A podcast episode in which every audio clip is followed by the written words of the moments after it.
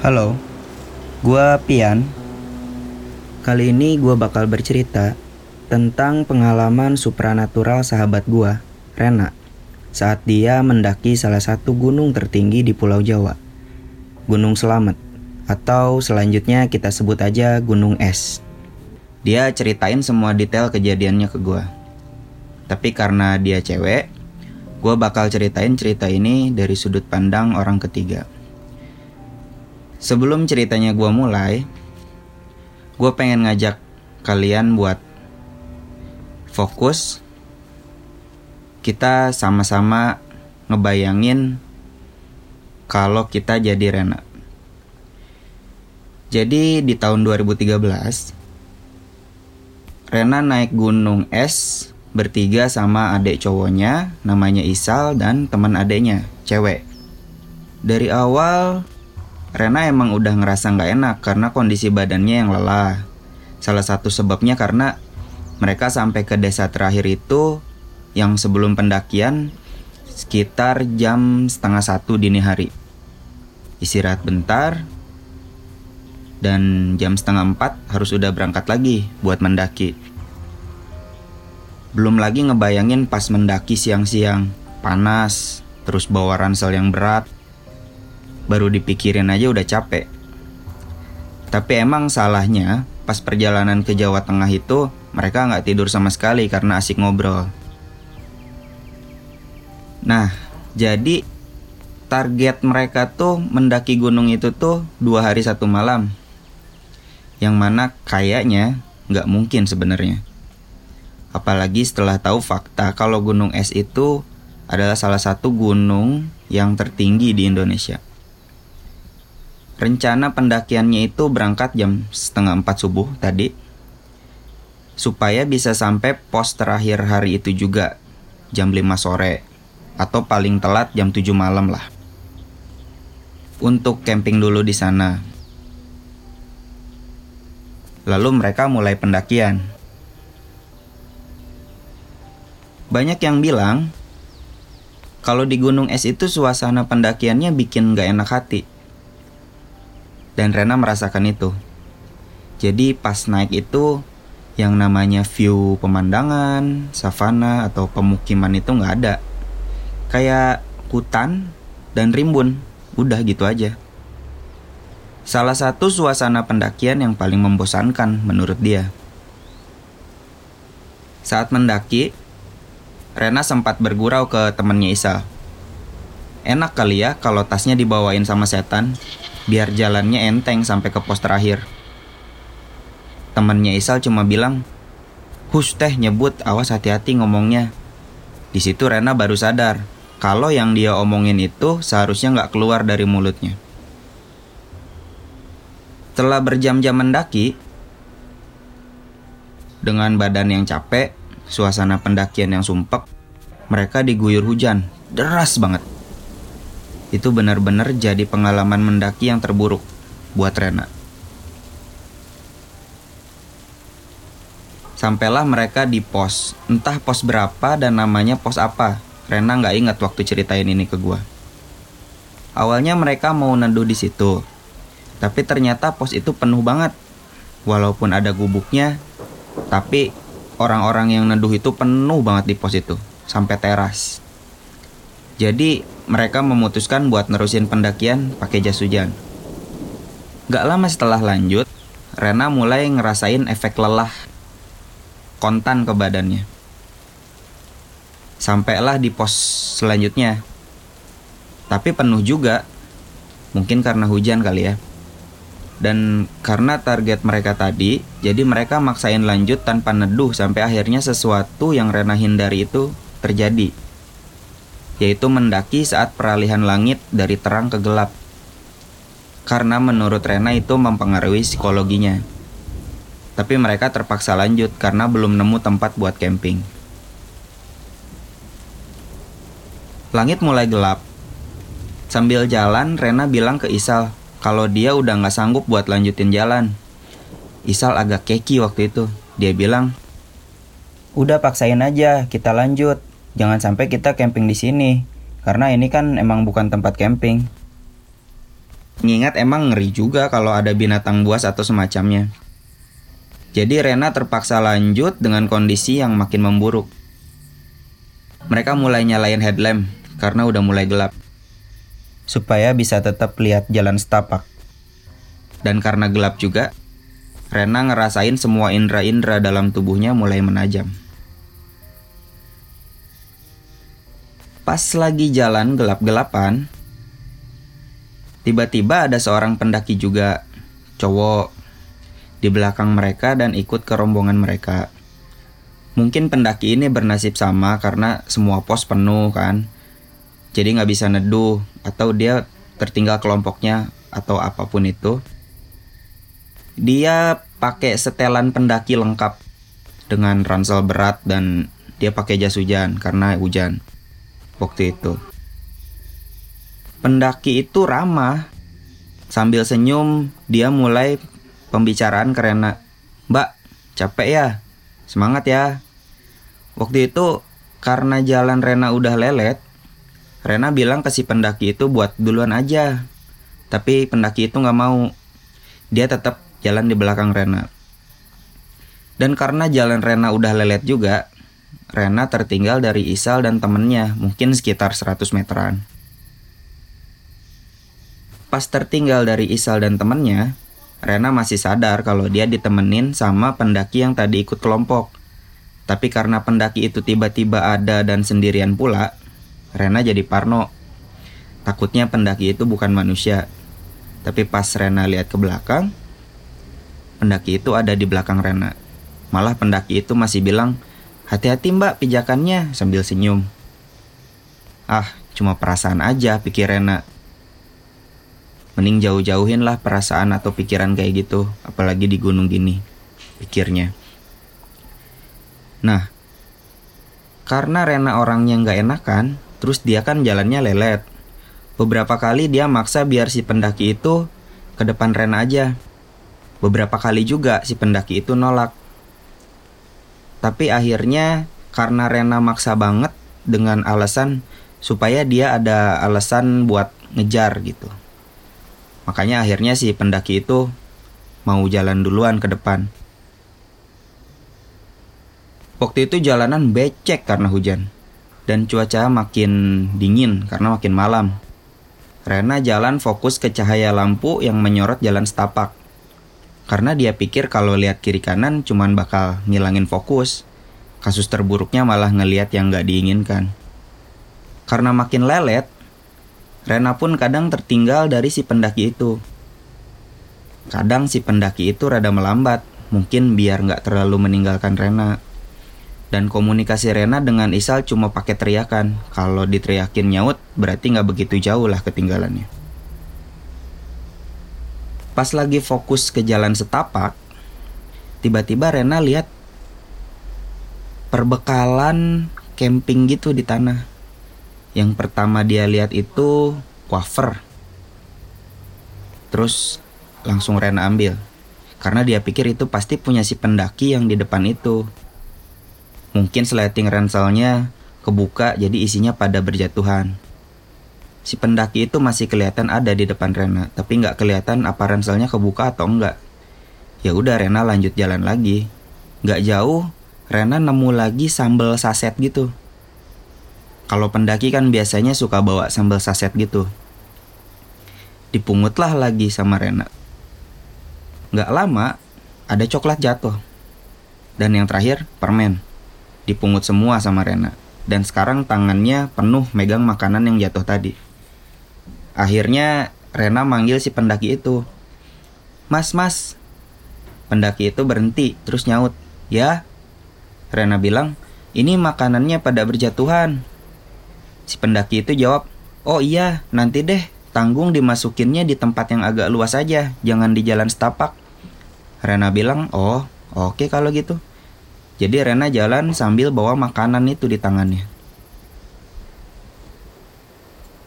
Rena dan si pendaki itu lanjut jalan. Karena berdua, Rena mulai agak tenang dan gak begitu takut. Padahal tadinya sempat parno. Tapi karena ternyata si pendaki itu makanannya jatuh, jadi kecurigaan itu hilang.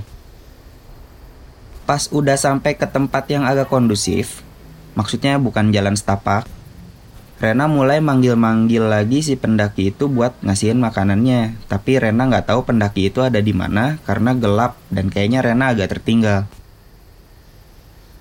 Pas tahu dia sekarang sendirian, Rena mulai parno lagi. Cara dia sendirian di tengah hutan gelap-gelap, malam. Tapi Rena tetap jalan agak dicepetin supaya bisa ketemu sama si pendaki itu. Dia jalan, dia jalan, terus ada yang ngomong di belakang. Ayo mbak, semangat. Rena kaget, kaget sekaget-kagetnya. Mau teriak, tapi nggak bisa gitu. Dan pas nengok ke belakang, ternyata si pendaki itu. Oh, Mungkin tadi dia melipir dulu, pipis dulu atau ngapain dulu, pikir Rena dalam hati. Langsung aja Rena nawarin buat masukin lagi makanan si pendaki itu ke ranselnya lagi. Tapi pendaki itu bilang, nanti aja deh di depan. Sekarang repot, mbaknya juga kayak yang capek. Jadi nanti di depan aja. Oke, Rena bilang. Dalam hati ngeluh karena dia harus terus megangin makanan itu dan jadi nggak bebas bantuin langkah buat jalan. Biasanya kan kalau di hutan jalan ke gunung gitu kan banyak ranting atau pohon-pohon yang ngalangin jalan jadi kita butuh bantuan tangan gitu kan. Terus mereka Rena dan si pendaki itu lanjut jalan tapi nggak banyak ngobrol karena emang Rena bukan tipe orang yang suka ngobrol kalau lagi mendaki gitu. Sampai nemu ada jalan setapak yang nanjak banget. Saking nanjaknya tuh buat naiknya posisi jalan tuh lutut ketemu dada. Pas lagi nanjak, berat kan bawa ransel, tapi tiba-tiba ranselnya Rena tuh berasa ditahan sambil didorong gitu. Dan ternyata si pendaki itu yang dorong. Mungkin supaya Rena nggak jatuh dan terjengkang ke belakang. Nah setelah tanjakan itu, barulah keanehan-keanehan mulai terjadi. Jadi waktu itu Rena yakin banget kalau si pendaki itu ada di belakang Rena. Karena abis bantuin nanjak tadi kan. Tiba-tiba si pendaki itu udah ada di depan Rena. Dan itu berulang-ulang. Kadang ada di depan, kadang ada di belakang. Setiap kali keanehan itu terjadi, Rena selalu nanya, Mas, kok udah di depan lagi? Atau, Mas, kok udah di belakang lagi sih? Semacam itulah. Awalnya sih pendaki itu jawab, kan tadi aku izin lewat. Atau, kan tadi aku kelewat sama kamu. Tapi keanehan itu terus-terusan. Kok di depan, kok di belakang, berulang-ulang. Sampai pas pertanyaan Rena, Mas, ih udah di depan lagi, aneh. Itu udah nggak dijawab lagi sama pendaki itu. Nah pas dia nggak jawab lagi, deg. Rena mulai parno kan, parno lagi dia. Bukan karena ngira pendaki itu makhluk halus, tapi takut pendaki itu ternyata orang jahat. Karena keramahan yang selama ini dia tunjukin itu udah nggak ada lagi. Tapi keanehan itu nggak berhenti, tetap gitu fasenya. Kadang di depan, kadang di belakang. Cuma sekarang pendaki itu sama sekali nggak ramah, jadi nggak jawab. Karena setiap kali keanehan itu terjadi Rena selalu nanya tapi sekarang dia udah nggak jawab lagi sampai akhirnya Rena bilang sambil jalan. Mas ini makanannya. Tolong disimpan lagi ke ranselnya mas. Soalnya ini tangan saya jadi nggak bebas karena penuh sama makanan mas. Setelah pertanyaan itu Rena katakan terus pendaki itu akhirnya berhenti kan dari jalannya. Balik badan dan dia nyamperin Rena. Makin dekat sampai mereka berhadap-hadapan gitu. Pas berhadap-hadapan, jelas banget Rena lihat muka si pendaki itu karena mukanya kesorot headlamp kan. Mukanya tuh aneh banget. Beda banget sama yang tadi. Mukanya tuh kayak orang yang capek, capek banget, pucat, kayak bener-bener menyedihkan gitu. Kalau kalian bisa bayangin dan dia cuma bilang satu kata bayar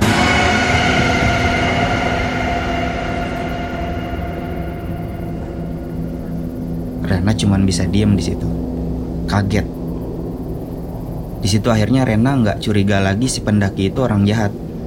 Karena bahkan pendaki itu ternyata bukan manusia. Rena mundur.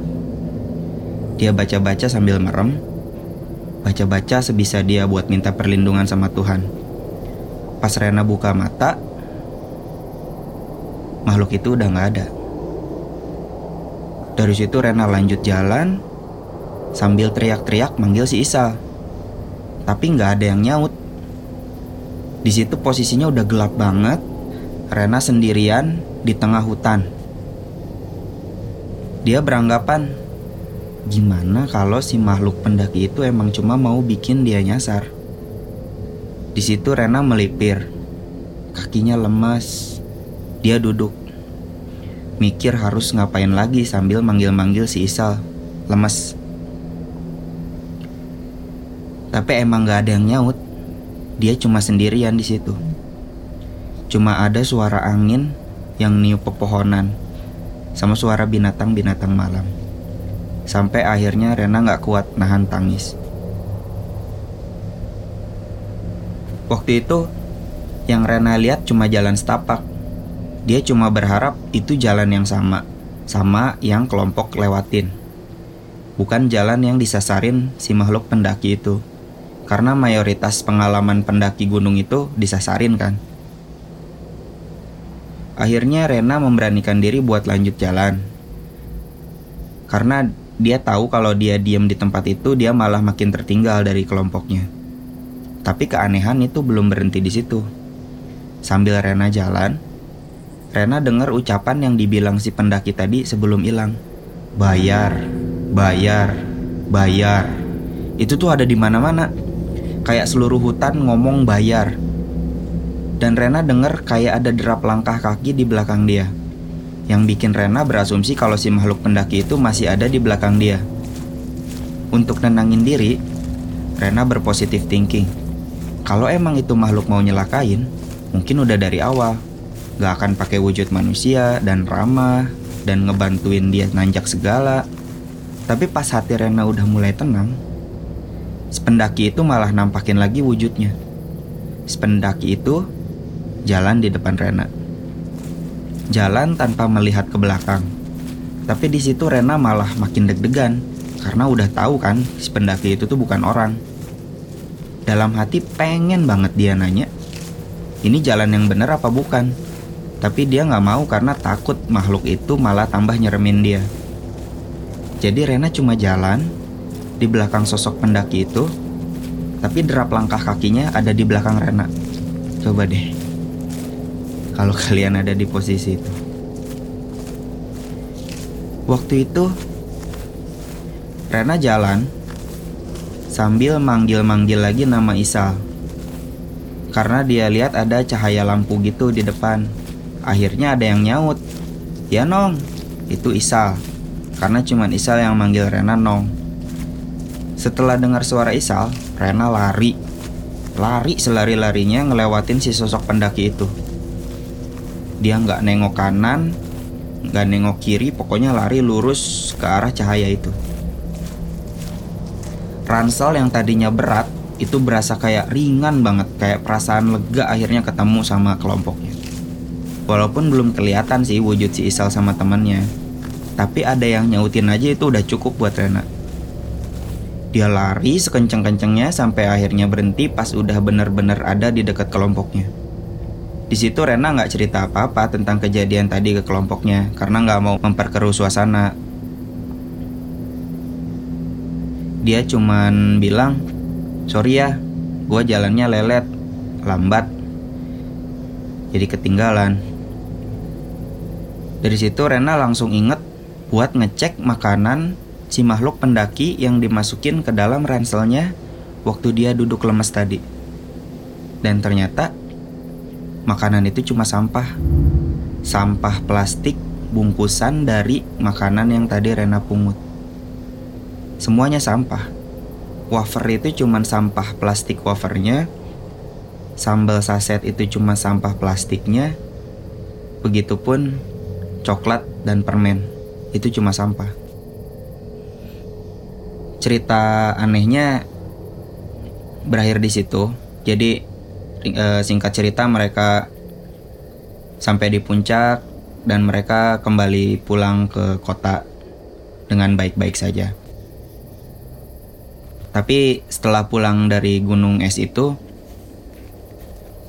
Rena penasaran dengan kata bayar yang disebut sama si pendaki itu. Setelah cari-cari cerita pengalaman pendaki lain, ternyata gunung itu konon katanya ada yang namanya pasar setan di situ. Di sana mereka menjajakan barang, makanan, apa pun itu. Jadi kalau lagi mendaki ke sana dan ternyata nemu barang, katanya kalian harus ninggalin uang, minimal uang receh lah. Supaya nggak digangguin. Nah, Rena berasumsi kalau makanan yang jatuh itu yang dari si pendaki itu adalah makanan yang dijual oleh si pendaki itu. Dan karena Rena nggak tahu ceritanya, jadi dia nggak nyimpan uang receh dan digangguin lah akhirnya. Percaya nggak percaya kan? Allahu alam. Ditambah dia emang sompral dari awal kan, pas berangkat. Dan setelah baca-baca juga, Rena baru tahu kalau gunung es itu kalau bukan yang terangker, ya salah satu gunung yang angker di Indonesia. Bahkan salah satu pos di gunung itu ada yang namanya Samarantu. Itu gabungan dari samar dan hantu. Banyak yang bilang pendaki nggak boleh camping di pos yang nama-namanya aneh gitu. Oke, segitu aja cerita Rena yang bisa gue ceritain kali ini. Gue cuma pengen berpesan, kalau cerita misteri tentang gunung ini bukan berniat untuk menakut-nakuti para pendaki atau orang yang mau coba mendaki gunung. Banyak juga kok para pendaki yang aman-aman aja selama mendaki. Yang penting kan nggak sompral. Kita nggak selalu tahu ada kejadian apa aja atau ada sejarah apa aja kalau kita ke tempat baru yang pertama kali kita datengin. Yang penting banyak berdoa aja dan minta perlindungan pada Allah. Gua Pian, pamit.